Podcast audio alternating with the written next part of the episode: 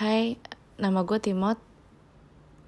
Um, kali ini gue mau menceritakan um, kejadian yang jadi waktu itu gue udah lupa banget sih kejadian ini. Tapi ini keinget lagi kebetulan karena hari ini gue capek banget. Gue beraktivitas dari pagi sampai sekarang itu jam 1 pagi, tepat jam 1 pagi. Dan sekitar 30 menit yang lalu tuh gue baru sampai rumah gue langsung mandi siap-siap mau bobo. Tapi biasa ya sebelum tidur itu pasti kayak main HP dulu gitu. Dan tiba-tiba aja kayak ketiduran. Nah pas lagi ketiduran gue tuh mimpi. Tapi gue sadar juga di dalam mimpi itu kalau gue tuh belum tidur banget gitu. Paham nggak? Kalian pasti kayak pernah ngerasain juga kan kayak kalian tuh kayak ketiduran mimpi tapi sadar juga kalau kalian tuh belum nyenyak gitu tidurnya. Nah yang bikin gue langsung kayak bangun dan somehow gue pengen cerita aja di sini mimpi gue itu kayak gini. Gue itu ada di dalam satu ruangan. Ruangan itu kamar. Kamar itu di kosan Nah nggak tahu kenapa di mimpi gue itu adalah gue seorang mahasiswa yang gue satu kosan sama mantan pacar gue. Dan nggak tahu ya kenapa di mimpi ini itu um, kejadiannya mirip sama kejadian asli gue yang udah lama banget gue alamin dan bahkan gue sampai lupa dan gue inget lagi karena mimpi ini barusan jadi di mimpi gue itu um, gue punya mantan pacar yang kamarnya itu nggak jauh dari kamar gue di kosan itu. Dan dari kamar mantan gue itu suka kedengeran suara bel. Nah belnya itu kalau kalian udah pernah nonton film Pengabdi Septan yang kemarin itu pasti tahu kan kalau belnya yang dipakai ibu Nah, belnya kayak gitu. Jadi setelah di mimpi gue itu suara bel itu nyaring banget, sontak gue tadi langsung bangun dan gue kayak mau menceritakan ini aja gitu. Karena gue keinget waktu itu gue memang pernah punya mantan pacar. Tapi tentu aja ya nggak satu kosan. jadi mantan gue ini kalau bisa dibilang itu orangnya anti sosial dia lebih suka jadi orang yang penyendiri dan um, dia cuma mau berhubungan apa ya kontak-kontakan gitu sama orang-orang yang menurut dia tuh kayak ya memang ada ada manfaatnya aja kayak gitu. Nah keunikannya dia itu adalah dia itu sukanya di kamar nggak suka ngapa-ngapain. Maksudnya kayak dia lebih suka menyendiri kayak main game. Terus um, apa ya uh, main musik gitu main gitar nyanyi sendiri gitu. Nah dia itu punya satu keunikan yang kayaknya gue belum pernah ya nemuin di orang-orang lain yaitu dia tuh kayak punya mm, bentuk apa ya dalam diri dia tuh refleksnya itu mainin sesuatu benda tuh di tangan kalau lagi nggak ngapa-ngapain. Kayak misalnya contohnya dia lagi main komputer gitu ya. Dia lagi nonton gitu. Nah itu tangannya pasti menggerakkan sesuatu gitu. Either itu pulpen atau um, handphone atau apa pun lah pokoknya dimainin sama dia. Nah kebetulan barang yang paling sering banget dia mainin di tangan itu adalah apa? Bel. Nah, belnya itu seperti yang tadi gue bilang, kayak di film Ibu gitu. Jadi bentukannya tuh bel uh, kelentengan gitu, bukan bel listrik ya, tapi ini bener-bener bel manual. Kayak gitu. Jadi tadi mimpi gue itu gue kaget aja sih kayak kok ngingetin gitu. Nah jadi tuh gue jadi keinget sama kejadian ini.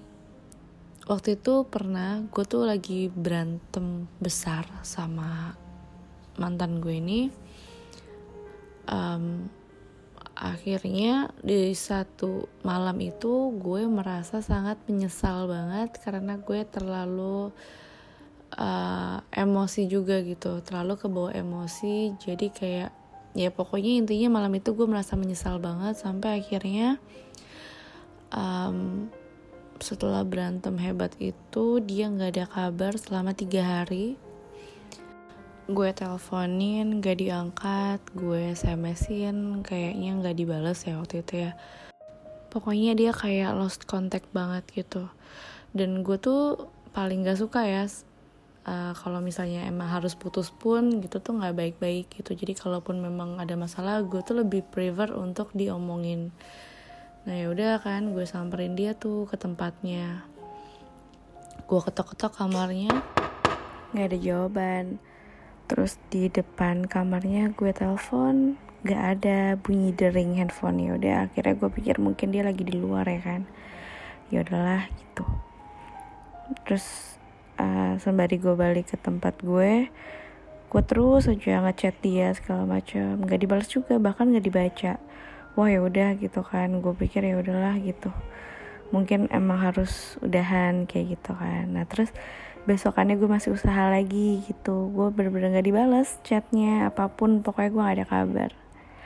Terus um, gue balik lagi lah ke tempatnya dia kan gue ketok-ketok gitu. Bahkan gue selipin surat kayak gue minta maaf gitu. Karena dia kan gak mau baca chat gue kan apalagi ngangkat telepon gitu. Jadi gue pikir mungkin dia gak mau ketemu. Jadi ya udah akhirnya gue masukin surat. Itu tulisannya kayak ya gitu gue minta maaf. Terus kayak masih apa ya gue minta dikasih kesempatan kedua kayak gitu gitu tetap aja nggak ada balasan terus gue telepon juga nggak ada dering juga. Ya udahlah gue pikir nggak tau lah ya udah gitu gue tinggal aja.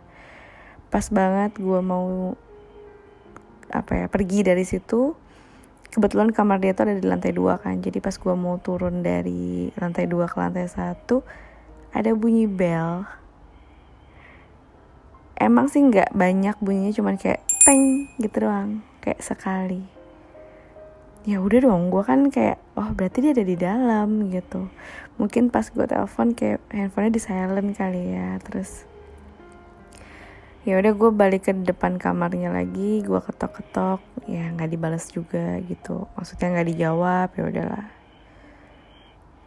Terus ya udah pas gue mau cabut lagi surat gue tuh keluar lagi dari dalam kamar dari lewat pintu gitu kan pintu bawah. Set gitu. Eh dibalikin gitu kan. Terus gue sedikit kesel dong pas gue buka mau marah kan. Gue buka suratnya ternyata dibales. Cuman apa sih titik dua sama tanda kurung tutup. Jadi kayak smile gitu kayak emoticon smile. Terus gue ketok-ketok lebih kencang kan kamarnya. Maksud lo apa? Gue bilang kayak gitu. Nggak dibales dong terus gue bilang gini lo maafin gue atau enggak? Nggak dijawab. Terus akhirnya gue bilang gini ya udah deh lo mau nggak jawab boleh gitu. Tapi please kasih tanda ke gue kalau ini tuh hubungannya mau berakhir atau enggak kayak gitu. Ya udahlah dia tetap nggak ada jawaban. Gue akhirnya ngomong gue ngerasa gue kayak orang gila deh ngomong di depan kamar orang gak ada jawaban. Boleh nggak kalau gue tuh minta jawaban dari bunyi bel lo aja gitu.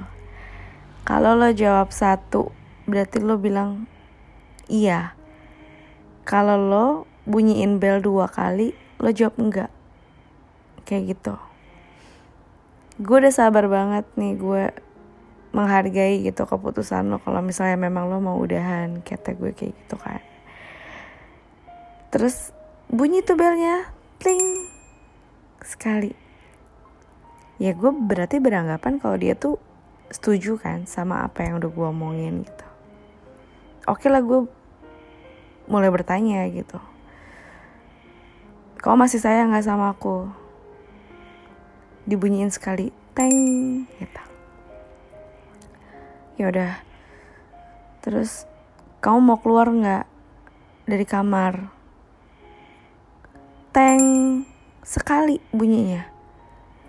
Kan gue bingung ya lah bunyi sekali kok lo nggak mau keluar kayak gitu. Terus gue tanya lagi dong ya udah keluar dong. Terus dia bunyinya tuh teng teng teng teng teng teng gitu loh banyak. Terus kan gue bingung ya. Terus gue bilang gini maksudnya apa? Yaudah gitu. Gue ganti pertanyaannya. Lo mau keluar nggak sekarang teng sekali dia bunyiin. Itu artinya kan dia mau ketemu. Terus gue tanya dong kenapa sekarang nggak keluar? Teng teng teng teng teng teng gitu lagi. Udahlah gue kan capek ya. Apaan sih? gitu. Terus ya udah akhirnya langsung aja gue tembak kan kayak lo mau kita udahan? gitu. Kita putus aja. Terus dia jawabnya teng teng teng teng teng teng teng gitu terus kayak ah udahlah gitu kan. Gue nggak ngerti mau lo apa gue bilang kayak gitu. Yaudah kita udahan gitu. Puaskan lo. Teng teng dua kali. Ah udahlah gitu. Gue tinggal. Gue tinggal.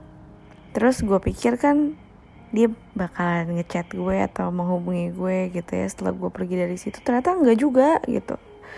Udahlah gitu galau ya kan. Terus kayak nah di masa-masa gue lagi galau itu udahlah gue akhirnya kayak ya udahlah gitu kalau misalnya memang udahan.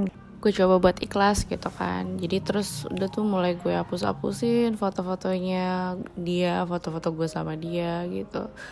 Nah terus waktu itu kebetulan udah ada sosial media kan nah pas gue lagi mau mengunfriend dia gue tuh jadi lebih concern jadi lebih kepo dikit lah gitu sama apa yang udah pernah dia posting kan Nah ternyata memang setelah gue perhatiin perhatiin gitu dia tuh memang agak sering untuk uh, pasang status gitu tapi bentuknya tuh kata-kata gitu jarang banget foto. Nah setelah gue perhatiin gitu ya yang dia posting itu adalah lirik-lirik lagu. Nah, dia itu penyuka musik psychedelic gitu. Jadi kayak apa ya kalau gue bisa ngejelasin tuh lagu-lagunya tuh lagu-lagu halusinasi gitu yang lebih ke apa ya chill gitu terus kayak lebih kayak ke depresif yang kayak gitu gitu nah terus gue nggak tahu ya pada saat itu waktu pas pacaran sama dia sih dia gue nggak merasa adanya uh, apa ya uh, eh, gue nggak merasa kalau dia tuh depresi gitu. Tapi tuh ternyata setelah gue lihat-lihat dari statusnya dia tuh semakin gue ngeliat ke bawah ke, ke bawah. Artinya kan yang semakin lama sebelum kenal lama gue mungkin itu dia memang tipikal depresif kayak gitu. Nah terus ada beberapa lirik lagu yang kok menjurus ke arah satanik gitu kayak ke arah apa ya uh, pengabdi setan yang kayak gitu. Nah tapi memang gue tahu itu tuh lirik lagu bukan pure out of nowhere itu pikiran dia gitu. Nah tapi tetap aja gitu ya namanya dia mencantumkan itu di postingan sosial medianya berdasarkan lirik pun berarti kan dia either dia setuju atau setidaknya dia suka dengan statement yang ada di lirik lagu itu kan terus um, setelah gue perhatiin perhatiin kok dia depresif banget ya setelah gue lihat-lihat kayak gitu. Terus um, pas lagi sama gue tuh dia ceria gitu. Maksudnya bukan orang yang gue lihat tuh kayak mentally down gitu enggak gitu. Ya pokoknya gue jadi khawatir kan. Gue jadi kayak merasa makin bersalah dong ya kan tapi gue sedih aja gitu kenapa kok sampai nggak ada kabar sampai gue tuh ngechat dan berkali-kali tuh nggak ada uh, tanggapan gitu dari dia. Dan memang gue pacaran sama dia tuh waktu itu masih belum lama ya masih sekitar 5-6 bulanan. Jadi gue belum belum mau waktu itu dikenalin sama keluarganya juga. Jadi gue tuh bener-bener masih kosong banget deh tentang uh, apa ya tentang dia itu siapa gitu. Maksud gue keluarga dia tuh siapa keluarga dia tuh nomor HP-nya itu berapa gitu masih nggak tahu. Jadi gue bener-bener cuman tahu dirinya sama teman-teman deketnya. Udahlah entah kenapa gue berpikiran gue untuk menghubungi temennya itu setelah seminggu gue nggak ada kabar karena gue berpikir kayak gue masih ngerasa gue bisa menyelesaikan ini berdua tanpa adanya bantuan dari orang lain kayak gitu. Terus ya udah akhirnya gue coba menghubungi temennya temennya itu juga sempet nggak bales tapi kemudian kayak 5 atau 6 jaman setelah gue hubungin itu mereka menghubungi gue balik. Nanya kenapa mod gitu. Terus gue tanya um, si ini apa kabar ya? Kok gue nggak ada kabar? gitu. Terus dia temennya ini nih salah satu temennya jawabnya kayak gini hah kayaknya kita masih ketemu deh gitu. Terus gue bilang loh kenapa? Gitu. Ngobrol aja di telepon lah gue bilang kayak gitu kan. Gue belum bisa ke Jakarta waktu itu kan gue nggak di Jakarta kan. Terus si temennya ini ngomong ya udah kapan balik? Dia bilang. Ehm, mungkin nanti kali hari Jumat gitu. Gue bilang pokoknya itu sekitar tiga harian lagi lah gitu kalau nggak salah. Ya udah gitu kita ketemu aja di Jakarta kalau lo balik dia bilang kayak gitu. Terus gue bilang ini ngajak ketemunya kenapa? Ada apa? Gitu. Kok lo kayak tiba-tiba serius? Kata gue kayak gitu. Terus dia bilang mod lo duduk deh dia bilang kayak gitu kan. Lo duduk lo santai. Lo dengerin gue baik-baik. Di situ ada siapa? Dia nanya kayak gitu temennya. Gue tanya gue sendirian lo jangan sendiri dia bilang kayak gitu. Terus gue gue kan semakin kayak ada apa sih? gitu kan. Kenapa? gitu. Lo duduk sekarang kata temen gue kayak gitu. Kata temennya mantan gue kayak gitu. Ada apa? Ada apa? Kita ketemu aja. Tiba-tiba dia ngomong kayak gitu. Ya udahlah akhirnya gue kayak aduh ada apa nih? Perasaan gue nggak enak banget sumpah. Duk, duk, duk, duk, terus akhirnya sampailah hari Jumat di mana gue balik ke Jakarta. Terus kayak pas sudah nyampe Jakarta gue langsung menghubungi temennya itu kan. Uh, gue lihat dia tuh mukanya udah kayak yang apa ya kalau gue bisa bilang tuh buka apa ya kayak sedih banget gitu. Sedih banget ngeliat gue. Terus gue jadi kayak nangis dong. Kenapa? Ada apa? Gitu.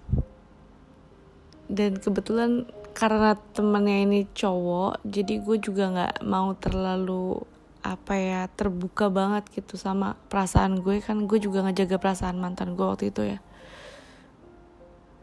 Duh, demi Allah gue merinding anjir. Temennya dia ini bilang, taruh barang lo dulu, lo tarik nafas, buang nafas, duduk. Aduh ya Allah Tuhan, demi Allah gue gue merinding. Dia bilang kayak gini, Mot, maaf banget gue gak ngasih tau lo dia bilang.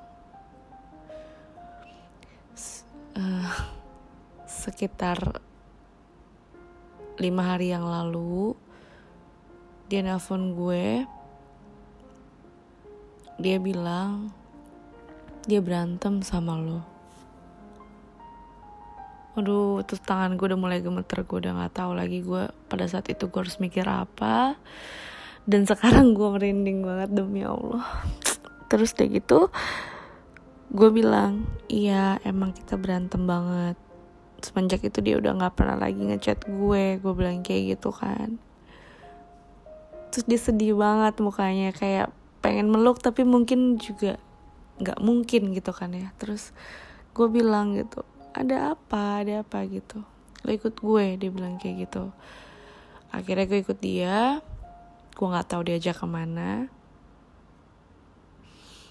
Ternyata gue diajak ke rumah mantan gue ini Jakarta.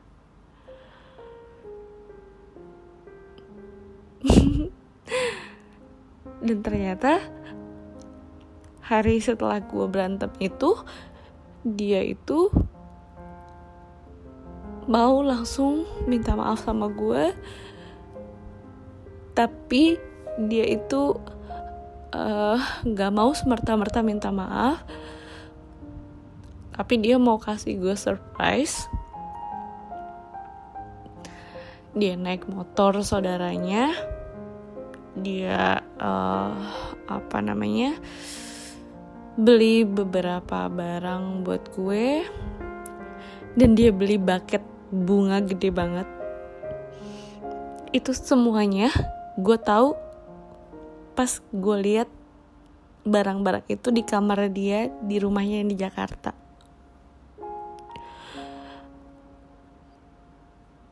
Dan barang-barang itu ditaro di sebelah fotonya dia.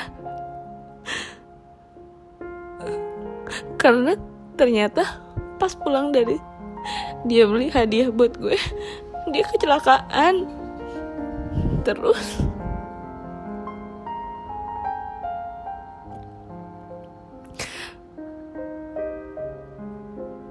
Uh, jadi ternyata selama ini memang dia bukan gak mau balas gue memang dia gak bisa balas kayak gitu.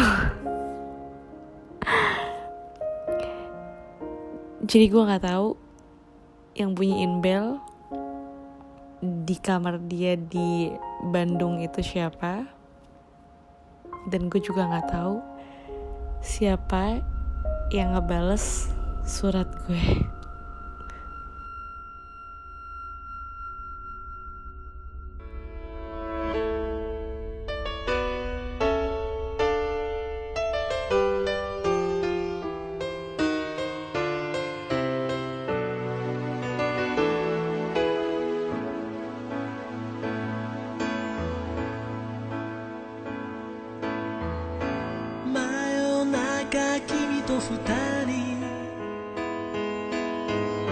砂浜波の調べ。